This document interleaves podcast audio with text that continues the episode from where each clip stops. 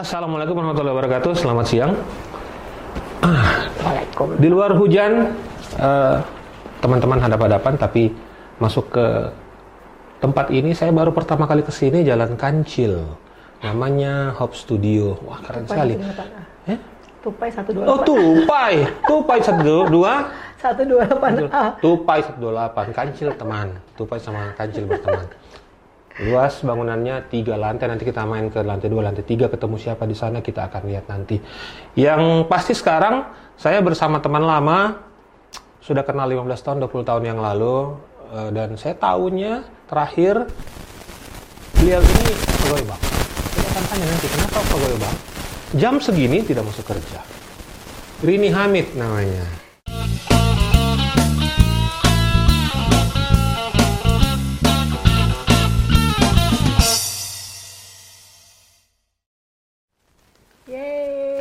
Kakak Iko. Iya, ya.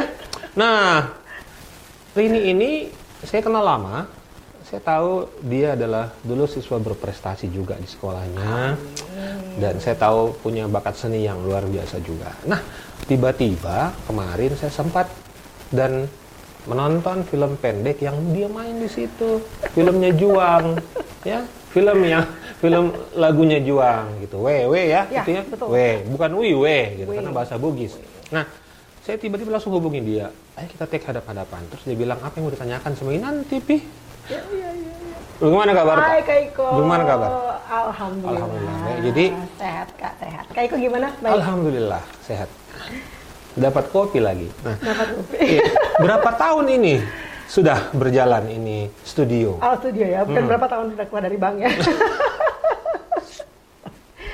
Berapa tahun? Jalan efektif hampir 4 tahun Kak Empat Iko. tahun ya? Hampir 4 tahun. Di tempat yang ini juga? Di tempat yang sama. Jalan? Tupai, Tupai 128 A. 128. Nah, ini apa sebenarnya selain studio musik? Iya, awalnya memang maunya buat eh, ini ya kayak karena memang kita eh, saya saya join sama teman-teman Mm-mm. itu dari eh, band entertainment.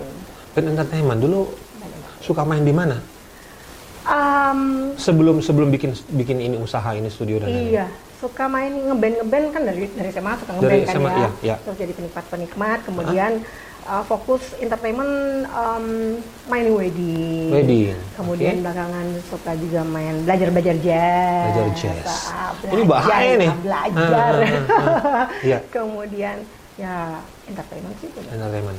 Belajar jazz. belajar. Jazz itu harus dipelajari Kak, atau Oh iya dong, semuanya kan harus tetap. itu susah ya? Karena saya, saya yang yang saya tahu jazz Iya. itu susah. Kalau saya ngelihatnya mungkin karena saya penikmat ya kak, Mhm, mhm. penikmat. Jadi eh, semua kan harus kita pelajarin kak. Hmm, hmm. Kemudian dengan lat- latar belakang sebenarnya saya lebih ke taste sih kak. Mm-mm. Tapi memang du- dari dulu suka lagu jazz. Suka banget karena mungkin dari orang tua saya ya. Hah? Jadi dari kecil itu suka didengar dengar Natalie Cole, nah, Nat King Mm, Cole. Nat King Cole. Kemudian ya belakangan saya juga justru senang malah yang kayak Andrea Motis kayak gitu-gitu. Mm, mm. Yang paling baru apa yang yang yang eh, didengarkan? Eh, musisi jazz yang paling mudah? Jacob Collier malah. gitu. saya malah tidak tahu ya. Susah ya. Nah, itu artinya memang buat saya itu susah. Jazz itu susah. Menurut Rini itu harus dipelajari. Nah, sekarang kira-kira kalau dari 1 sampai 10 berada di level mana Rini dengan jazznya? Wah, Gitu. saya nggak tahu. Yang jelas, em, saya sih masih penikmat sih kak ya. Masih penikmat. tetapi Tapi tetap belajar jazz. tetap tetap. Jadi saya sering eh, di Makassar ini saya eh, lebih lebih bermain banyak sama teman-teman yang senior Hmm. Senior. yang iya, ya, saya sering lihat videonya. Waduh, Iya, ini senior saya lebih semua. saya lebih lebih lebih banyak mengundang sebenarnya Hmm, lebih deketin karena memang uh, saya bareng sama teman-teman, ayo kita coba coba ini, coba Main coba jazz. main belajar.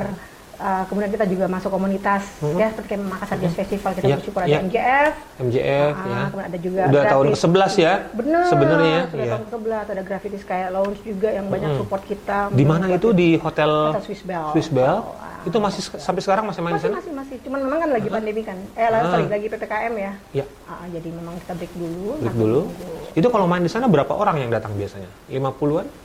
Oh, cukup banyak ya, Hmm. cukup banyak perkembangannya dari awal masuk ini di mana nih? Yang di Hmm, Swiss Bell. Ya, Yang di Swiss Bell cukup banyak, cukup banyak. Jadi memang dari situ kita lihat bahwa oh iya ternyata Banyak, ternyata. banyak gitu loh. banyak, iya, iya. dari Makassar banyak Uh-uh. penikmatnya. Nah, itu yang kita mau galakannya. Maksudnya penikmatnya banyak berarti bandnya juga harus banyak dong. sekarang berapa banyak musisi jazz yang yang Rini tahu yang ada di Makassar? Um, jujur saya belum Tidak tidak ada datanya atau belum ada data. Belum ada data. Saya sendiri juga memang tidak fokus uh, ke situ. Hmm. Saya memang uh, di sini saya punya kita punya tempat ada wadah Hmm. untuk berkumpul, sharing-sharing. Studio ini. Betul. Oke. Jadi kita gunakan juga untuk uh, banyak banyak musisi-musisi senior yang Hmm. kita minta supportnya untuk saling belajar. Cuman memang kan dari beberapa teman-teman kan bilang, ayo kalau memang kita mau belajar jazz ya kita konsisten. Iya. Maksudnya bukan asal sekedar, sekedar ngulik gitu loh. Se- seminggu berapa kali latihan? Seminggu sekali sih. Seminggu sekali. Sekali. Tapi Masih itu ya. intensitasnya pasti luar biasa ya. Karena mempelajari cengkok nyanyinya saja itu agak beda dengan dengan dengan lagu-lagu yang lain. Betul. Saya nggak bisa, saya nggak berani bijak bicara kayak Eko karena saya juga jujur masih belajar takut takut ini ya. Cuman maksudnya bukan masalah Hmm. bukan masalah gini, maksudnya memang teman-teman kalau memang kita mau belajar ya kita jangan abu-abu. Iya. Iya kan enggak ya? Iya. Kalau Yang yang saya juga eh, pahami adalah musisi itu tidak ada yang jago. betul. Yang ada adalah musisi yang pintar dan bisa menyesuaikan diri gitu. iya, Nah, semuanya mau di jazz mau rock itu sama saja Betul, sebenarnya. Eh, karena bicara musik ya musik. Ya artinya maksudnya jazz itu maksudnya kita memilih sesuatu ini genre itu bukan berarti ada gap-gap Hmm, gitu kan. iya, Berarti kita kan iya. dan sekarang dasarnya memang di sini teman-teman all round juga bisa bisa bisa. Tapi ada dulu-dulu waktu eh, mungkin 10-15 tahun lalu kalau saya ketemu orang katanya Ya. kalau kita main jazz itu main musik yang lain itu bisa.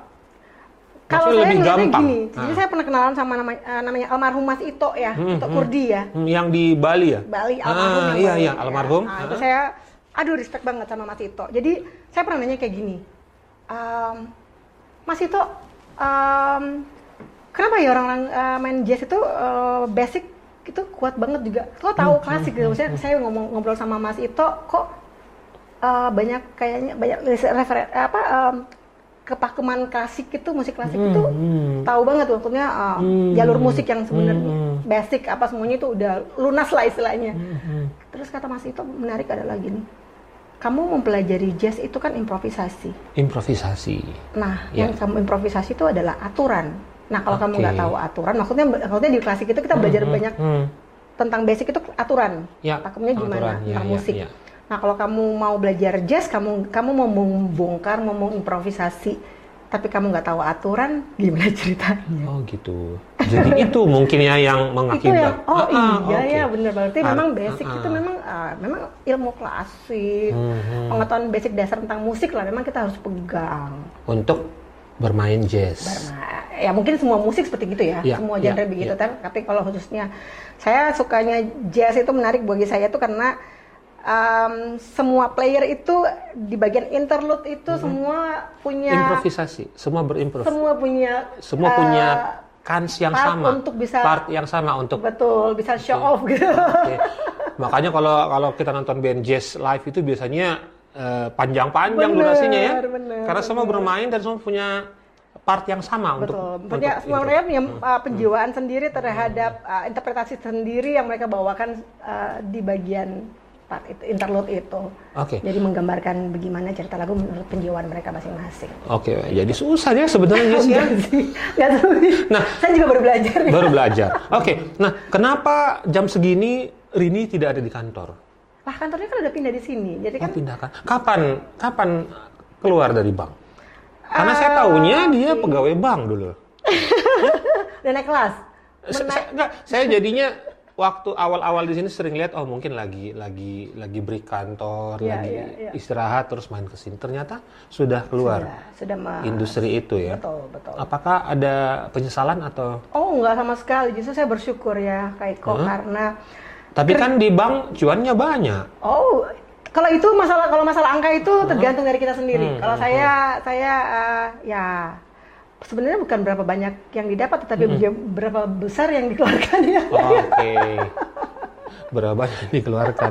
Artinya berapa banyak yang di saving kalau gitu Iya ya? iya iya. Ah, Tapi ah, ah. tapi saya bersyukur dari dari perbankan kayak kok karena saya banyak saya banyak belajar selama beberapa belasan tahun saya belajar di perbankan. Belasan tahun di perbankan? Ya. Oke. Jadi saya istilahnya saya belajar untuk diatur Oke, diatur oleh sistem. diatur oleh sistem. Hmm, Bagaimana sih uh, uh, apa namanya kita bisa diatur oleh sistem, Hmm. kemudian uh, sampai sekarang bagaimana bisa berkomunikasi, belajar komunikasi, berkoordinasi, Hmm, memiliki banyak uh, database klien. Database klien. Ya, yang paling penting itu adalah kita Ada- diberi, diberi ruang untuk bagaimana uh, tahu sistem dan akhirnya kita bisa berhubungan banyak di luar untuk uh, menjelaskan suatu sistem atau produk Hmm. khususnya kelebihan-kelebihan produk tersebut. Termasuk penikmat jazz banyak ketemu di bank. Um, Ada pastilah, Ada lah. ada ya. karena kan yang waktu di sana juga kan, Heeh. kayak kau ingat nggak? Jadi saya juga ikut mempromosikan ada yang di hotel.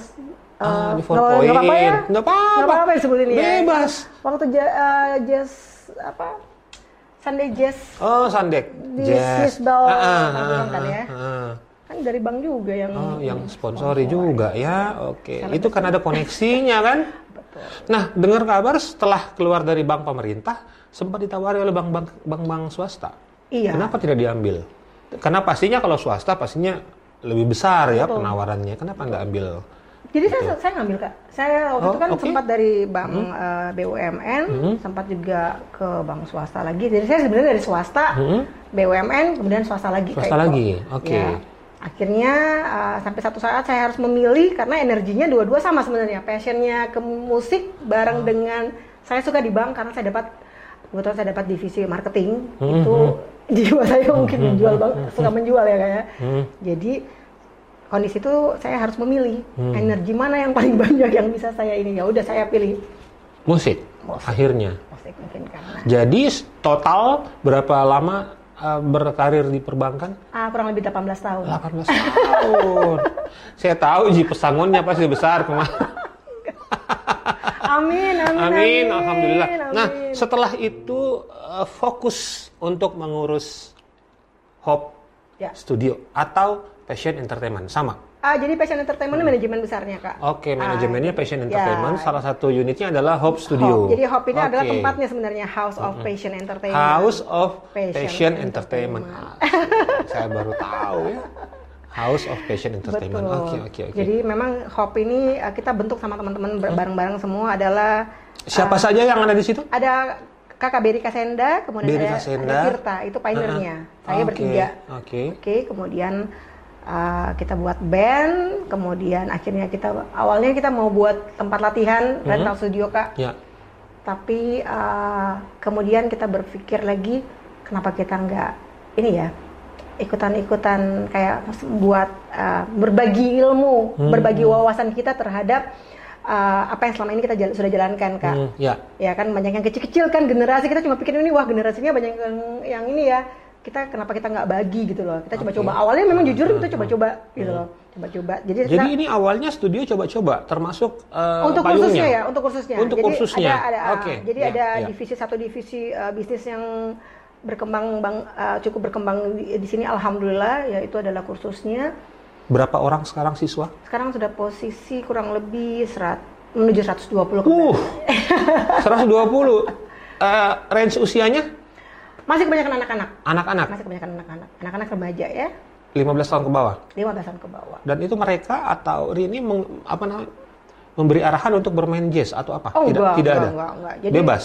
Ya, jadi memang em, karena memang silabus kami di sini masih masih ma- tahap uh, pembentukan pembuatan silabusnya, Ya, ya. uh, penyelesaian silabusnya. Untuk saat ini memang kami masih mengkategorikan tempat ini adalah sanggar, Kak. Sanggar. Sanggar musik. Sanggar musik. Sanggar musik. Kalau Rini bilang ini lebih ke sanggar, Ya. tanda kutip ya. Padahal menurut saya ini adalah sesuatu yang luar biasa yang dibangun Ya. oleh sistem pertemanan bertiga. Nah, setelah itu anak-anak yang yang kursus di sini itu diarahkan ke mana? Ya tetap mereka terima basic ya kak, basic eh, misalnya nih vokal nih vokal ya Iya. tetap basicnya produksinya harus bener dulu, Iya. kemudian baru bisa ke tekniknya, Iya.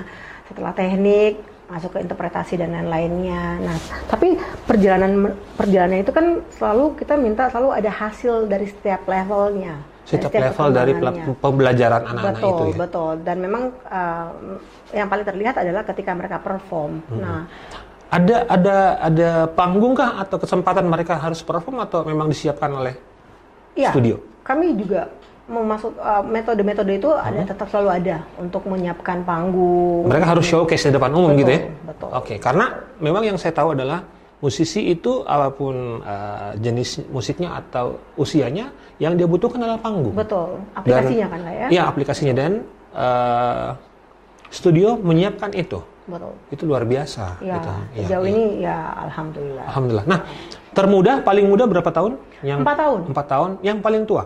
Yang paling tahun? tua um, banyak ibu-ibu, Ibu-ibu itu sini. belajar apa?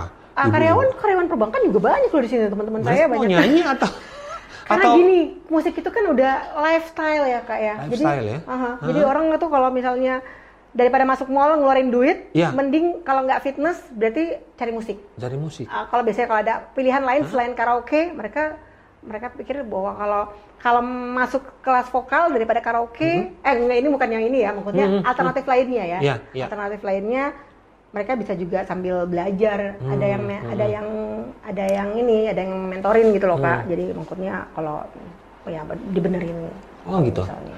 Lebih susah mana? Apanya? Mengajar yang eh, yang tua atau yang muda? Em, seperti kata coach coach coach di sini Hmm. kalau ditanyain seperti itu sama pertanyaan kak kak Iko ada kesulitan nggak ada ada yang susah nggak nggak ada karena memang dibawa selalu Santai, fun, fun. santai. Berapa Eh, orang di sini pengajarnya? di sini kurang lebih ada delapan orang Delapan ya? delapan yang aktif Itu eh, instrumen berapa Instrumen. orang? Kalau ini tiga eh, sorry bukan delapan dua belas orang 12 ya. orang, oke. tiga, tiga tiga vokal yang lainnya instrumen semua kak Instrumen. Semua instrumen diajarkan di sini. sampai saksofon juga ada Saksofon juga ada. Saksofon juga oh luar biasa. Jadi bukan cuma piano, bukan cuma drum, gitar, Iya, bass, iya, biola biola, biola juga ada. Biola juga Oke, jadi sebenarnya bisa bikin eh, big band ya harusnya. ya? Amin. Amin. Itu salah satu Iya. tujuan sendiri. Iya dan kita uh, pas tentunya mem- memberdayakan uh, uh, teman-teman musisi kita ya, hmm. musisi kita. Jadi uh, entah itu pelatih emang yang sudah guru, tapi uh, kita bisa perform sama-sama dan uh, musisi yang perform juga bisa sama-sama. Karena kita sama-sama juga bisa ngajar gitu loh. Iya, oke, oke. Nah, Rini sendiri kan juga tadi bilang bahwa ini menjadi semacam tempat tempat berkumpulnya teman-teman musisi, Ya. namanya musisi jazz ya. Ya. Apa harapannya untuk Makassar gitu? Maksudnya Makassar sebagai kota, ini kan Makassar kota budaya ini kan. Betul sekali kayak. Dan sekarang juga kita tidak punya database tentang musisi, siapa yang aktif, eh, berapa jumlah band di Makassar dan lain-lain. Apa harapannya untuk Makassar sebenarnya dengan adanya usaha ini, Iya. adanya perkumpulan ini? Iya, Ya. Em, dulu saya pernah ini kak, dulu saya pernah ada concern ke gini. Waktu itu saya ngelihatnya wedding itu, em, waktu wedding itu kok kalau misalnya ada artis, kok em, ini ya nggak pakai band dari Makassar. Makassar, Ya, ya. gitu. Jadi saya ngitung fo- formasi, wah formasinya sama. Hmm, Tapi apa yang membedakan? Ya kemungkinan dari uh, ini ya le- level Permainan. permainan permainannya. Ini dari sisi saya ya, Ya, dari sisi ya, saya pribadi gitu. Uh, diskusi sama teman-teman yang ada di sini bahwa ya memang uh, kita banyak PR yang harus kita kejar bahwa uh, tentunya kalau misalnya mau menyuguhkan sesuatu memang kita banyak harus banyak lebih banyak berlatih, Hmm. lebih banyak intensitas ketemuan itu berlatih. Tapi tapi memang kan dibutuhkan tempat kosnya banyak untuk Ya. itu. Jadi saya sebenarnya muncul lagi lebih concern lagi sama oke kalau kita latihan berarti memang ada kos kos itu akhirnya berhubungan dengan nilai jual. Hmm, hmm, hmm. itu loh, nilai jual. Dan memang yang uh, konsentrasi saya sih bagaimana sih musisi itu bisa hidup Ya. Bisa hidup, bagaimana dapur bisa, ngepul terus Iya, ya. artinya kan saya dari uh, tadinya dari profesi lain uh, nggak ada bedanya dengan saya musisi, kebanggaannya tetap sama, iya. tetap bisa tetap bisa mengepul Iya. dan tetap bisa dihargai apa harganya sama, Iya. tergantung kita menjualnya bagaimana. Nah, tadi Rini bilang eh, kalau ada musisi luar diiringin juga band dari luar kadangnya.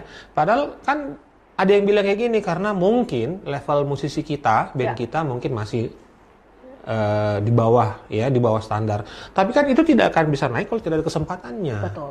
Jadi dalam hal ini juga eh, saya dan mudah-mudahan juga Rini bisa setuju bahwa berikan kesempatan kepada teman-teman band dari Makassar juga untuk perform di level yang yang diharapkan. Betul. Uh, biar pengalaman dan intensitas bermain juga makin tinggi ya. Betul. Nah itu mungkin yang juga coba diterapkan di di Hope ya. Ya, ya, betul, betul kayak kok. Oke, Jadi memang uh-huh. uh, sebenarnya memang uh, memang harus lebih banyak kita tonjolkan ya kak ya. Mhm. Apalagi di pandemi-pandemi kayak gini yang mungkin Ya. memang kondisinya jadi drop. Padahal Ya. sebenarnya kita sangat sangat punya energi untuk kreatif, Ya. punya energi yang untuk uh, bagaimana di kondisi tertekan ini kita memang harus tetap tetap tetap ter- apa uh, tertekan tetapi justru Ya. malah keluar ini. Tidak bisa hanya sabar sekarang, Betul. harus berbuat. Betul, betul. Nah, Iko. kalau itu masalah-masalah yang kita harus berbuat, kenapa tiba-tiba main film pendek? Pertanyaan menarik itu. Ah. Iya, oh sorry. Pertanyaannya menarik sekali. Jadi uh, saya itu, um, saya suka lihat banyak yang Kak Iko uh, tampilkan di konten-konten Kak Iko itu semua orang-orang yang um, ini apa namanya berbuat berbuat untuk Makassar. Masa? Salah satunya Kak Juang. Iya, Juang, iya. Terakhir itu tuh oke. saya lihat Kak Juang karena memang saya juga sangat-sangat ngefans sama Kak Juang ya. Jadi uh, Juang ada fansnya Juang? ya Kak Juang saya ngefans banget sama Kak Juang. Salah satu salah satu tokoh di Makassar, seniman di Ah. Makassar. Nah, kemudian uh, tiba-tiba saja ya mun- mungkin lagu itu sudah memilih saya ya Kak, Kak Iko ya. Oke. Ya. lagu itu sudah memilih saya tiba-tiba kak itu itu pertama kali saya bertemu dengan Kak Juang jadi Oke. uh, melalui telepon beli- uh, beliau menyampaikan kali ini saya mau saya maaf saya baru uh, apa ber- berbicara langsung sama Kak ini Hmm. tapi saya mohon dibantu saya punya karya bla bla bla bla bla dan seterusnya Hmm. Kak ini mau nggak? Tahu nggak Kak Iko? Saya kan nggak punya basic. Jujur di sini saya ngomong Tidak pertama kali acting, ya saya baru saya belum pernah ngomong secara secara ini di di depan orang banyak. Saya nggak punya basic acting. Heeh. tapi ketika saya ketemu, saya uh, menerima tantangan dari Kak Juang, saya bilang sama Kak Juang, oke, Hmm, saya mau. hmm, Karena di, di kepala saya adalah kolaborasi Kak, Kolaborasi. kolaborasi. Iya, Jadi iya. memang saat ini memang kita harus punya, kita harus Harus kolaborasi, iya, Kita harus iya. kolaborasi. Uh, karena memang kita teamwork, mau apa namanya, di mana-mana kalau kamu bagus, tapi meskipun kamu bagus dan kamu sendirian, itu belum tentu sedahsyat kamu punya tim. Iya. Ya. Susah susahkah berakting depan kamera? Nah itu dia karena karena timnya bagus banget Mm-hmm. dan jujur saya waktu itu agak kesulitan di awal-awal karena Ya. ini pengalaman experience mahal yang pertama kali saya dapat gitu kan. Ya, Apalagi ya. kan saya langsung berhadapan dengan dua itu kan yang jadi yang jadi suaminya itu senior ya. betul. Dan Jadi tokoh betul benar benar sering benar jadi aktor aktor antagonis ya. aktor nasional Jadi kan. Mas- jadi Mas penjahat ya seringnya. iya. Mas Iya, Wisnu iya, kan iya, sama iya. Mbak Ra- Rahel Amanda kan. Jadi saya agak shock waktu itu ju- jujur waktu terima tawarannya saya nggak terlalu fokus eh, siapa nanti siapa sama Hmm. siapa. Saya cuma bilang oke di depan saya adalah oke Kak Juang saya mau. Tapi Hmm, kalau misalnya nanti di di tengah di awal bukan di tengah di awal nanti ternyata ada hambatan tolong saya dikasih tahu untuk di, di- dibatalin nggak apa nggak masalah gitu. Yang Hmm. penting sukses sukses Iya, kan gitu kan. Iya. nah pas di sana berjalan eh, ini aja Santai. Jadi dan dan karena saya di akhirnya- support support timnya keren banget soalnya Oke, dan timnya keren dan banget. dan, Jadi dan hampir semua anak Makassar ya. anak Makassar jadi Oke, hebat, keren. hebat. dari situ juga saya ngelihat bahwa wow ini Makassar ya Hmm. keren banget saya lihat dari artworknya, terus saya nonton uh, teasernya itu luar biasa. Amin, dan dan yang tadi dibilang bahwa uh, kalau kita hebat tapi sendiri betul lebih bagus tidak hebat tapi bersama-sama kolaborasi. sama-sama kasih energi yang baik Kasih energi yang baik Ya. untuk. Nah, kalau ada bank yang meminta hari ini comeback dengan iming-iming mungkin lima kali lipat dari yang kemarin, bagaimana? Ya. Dan tetap bisa bermusik. itu pilihan yang ini ya kak ya Susah itu ya? pilihan yang sangat sulit sebenarnya Hah? karena memang jiwa saya itu masih masih masih Masih perbankan masih juga? perbankan. Masih ada ya? ilmu marketing itu sangat menyenangkan jadi Hmm. memang teman-teman uh, sekarang kan ya semua pekerjaan kan interdisipliner Iya, ya iya. semua kita bisa masuk tergantung kitanya Iya, gitu ya iya. dan memang saya bilang sama teman-teman juga saat sekarang anak-anak khususnya semakin ke sini satu skill aja udah pasti nggak cukup Ya, oke. untuk uh, punya daya saing. Hmm. Tetapi ha- kamu harus punya lebih dari satu skill. Nah, Hmm. balik lagi saya bersyukur karena saya pernah di perbankan, saya jadi jadi bisa kerja multitasking, gitu. jadi bisa bisa kerja banyak. Hmm, Bisa hitung uangnya orang ya? Ah, itu paling susah. Karena diri sendiri nggak kayak kayak.